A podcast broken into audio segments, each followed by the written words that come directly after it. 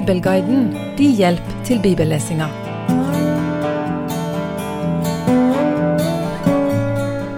David og hans menn marsjerte med kong Akish og resten av filistene mot kong Saul. Men rett før slaget skal stå, så nekter de andre filisterkongene å ha David og hans hær med seg. Om David ville kjempe mot sine egne, eller brutt sitt ord mot kong Akers, får vi da aldri vite. David han er uansett ute av en vanskelig posisjon, og blir jaga mer eller mindre tilbake inn til byen Siklag, som han nesten fikk av kong Akish. Hvor lenge de har vært borte fra denne byen, det vet vi ikke. Det står i verset vi snart skal starte med, at David og hans menn kommer tilbake på den tredje dagen. Og hvis vi antar at de har gått med samme fart hver vei, og var i forberedelsene til slaget en dag eller noe sånt, så har de vært vekke minst ei uke. Mens David og hans menn og deres familier har bodd i Siklag, har de vært ute på herjetokt mange ganger, blant annet sjå amalekittene. Det står i kapittel 27 vers 11 at han drepte alle. Nå skal det vise seg at mens David og hans menn har fylka seg mot Saul, så har amalekittene vært på herjetokt. Vi leser fra første Samuels bok kapittel 30 vers 1. Da David og mennene hans på den tredje dagen kom til Siklag, hadde amalekittene overfalt Sydlandet og Siklag. De hadde inntatt Siklag og brent det opp. Kvinnene og alle som var der, både små og store, hadde de tatt til fange. De hadde ikke drept noen, men de hadde ført dem bort og var dratt sin vei. Da David og mennene hans kom til byen, fikk de se at den var brent opp, og at deres koner og sønner og døtre var tatt til fange. Da brast de i gråt, både David og de folkene som var med ham. De gråt til de ikke lenger var i stand til å gråte. Også Davids to koner, Akinoa fra Israel og Abigail, karamelitten Nabals kone, var tatt til fange. Og selv kom David i stor nød, for folket sa at de ville steine ham. Så harme og sorgfulle var de alle sammen for sine sønners og sine døtres skyld. Men David søkte styrke hos Herren sin Gud. Disse amalekittene som slo til mot Davids folk i Siklag, var så langt jeg forstår, det samme folket som Saul hadde fått beskjed om å utrydde, og som òg var et av folkeslagene som David og hans menn gjorde angrep mot mens de bodde hos kong Akish. Om amalekittene sparte livet til israelsfolket fordi de var mer humane enn David og hans menn, tviler jeg vel egentlig litt på. Trolig så gjorde de det fordi de tenkte de var mer verdt som slaver enn som døde. Uansett så brenner de byen og tar med seg alt. For David så utløser dette her et dobbeltproblem. Både at hans familie og eiendeler er blitt tatt bort, og at hans egne menn vender seg mot ham. Og de sa faktisk at de ville steine David. De ville henrette han, sånn som jeg forstår det. Så langt jeg kjenner historien om David, så er dette den eneste gangen der en får inntrykk av at alle hans menn vender seg imot han. Og det virker som at kongen, for det var han i alle fall i Guds øyne, at kongen var aleine. Dette kan minne oss om Jesus, som blir tatt til fange i Getsemane, og som går til forhør helt aleine. Det er òg her et annet likhetstrekk. Sånn som Jesus gikk i bønn til Gud når han var i, alene i Getsemane, sånn går òg David i bønn til Gud når han er alene og blir trua av sine egne og blir steina. Vi leser videre fra vers sju. Han sa til presten Abiatar, sønn av Akimelek, Kom hit til meg med efoden. Og Abiatar brakte efoden til David. Og David spurte Herren, Skal jeg sette etter denne røverflokken, kan jeg nå dem igjen? Herren svarte, Sett etter dem, du skal nå dem igjen, og du skal frelse fangene. David dro av sted med 600 mann som fulgte ham, og de kom til Besorbekken, der ble en del av dem igjen. David satte etter fienden med 400 mann, men 200 mann ble igjen. De var for trette til å gå over Besorbekken. Så fant de en egypter som lå på marken, og de tok ham med seg til David. De ga ham mat som han åt, og lot ham få vann til å drikke. De ga ham også et stykke fikenkake og to rosinkaker. Da han hadde spist, vendte hans livsånd tilbake, for han hadde ikke smakt mat og ikke drukket vann på tre dager og tre netter.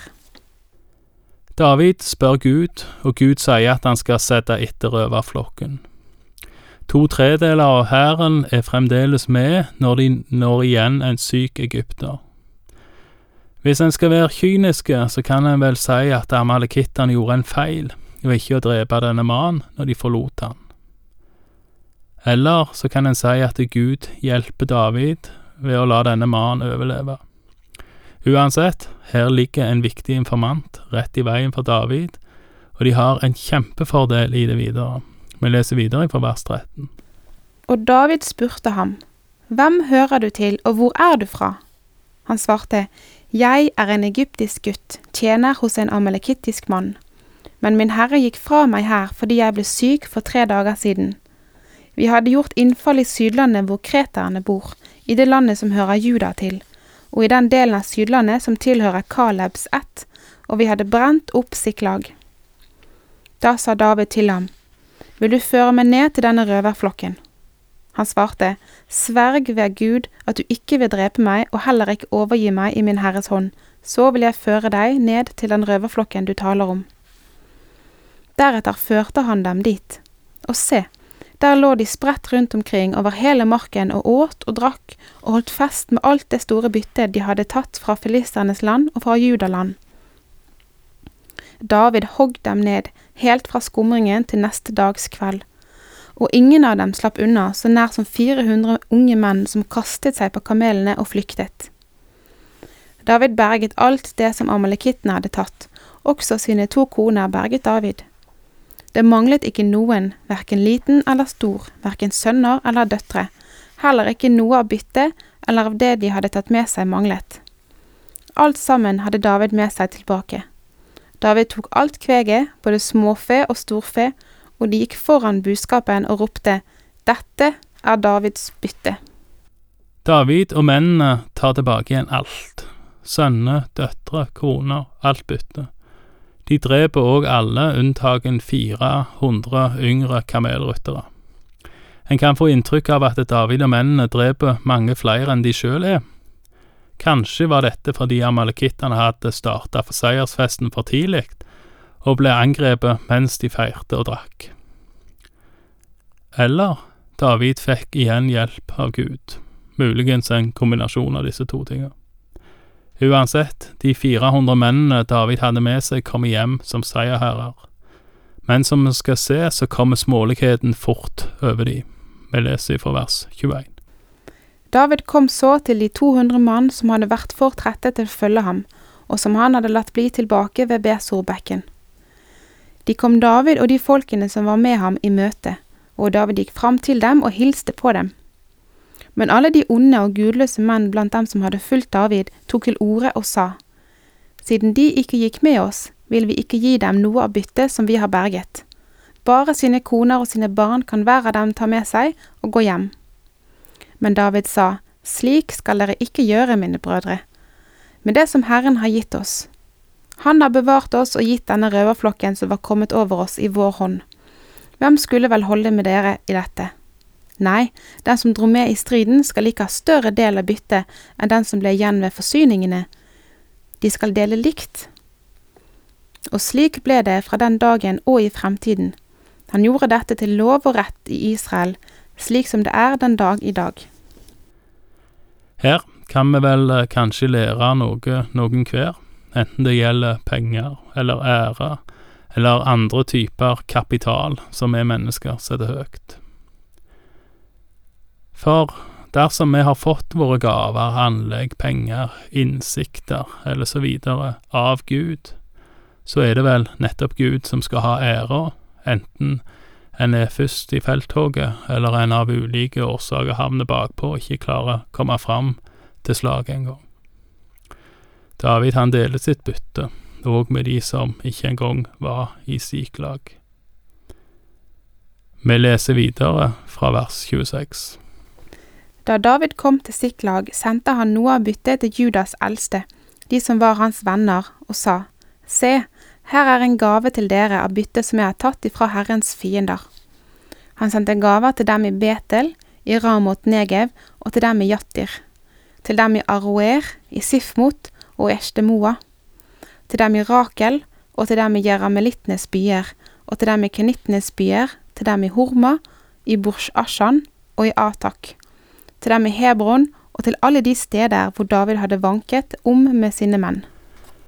Og med beretningen om at David deler sitt bytte med de som ikke engang var med i krigen, så får vi slutte av. Takk for i dag, og Herren være med deg.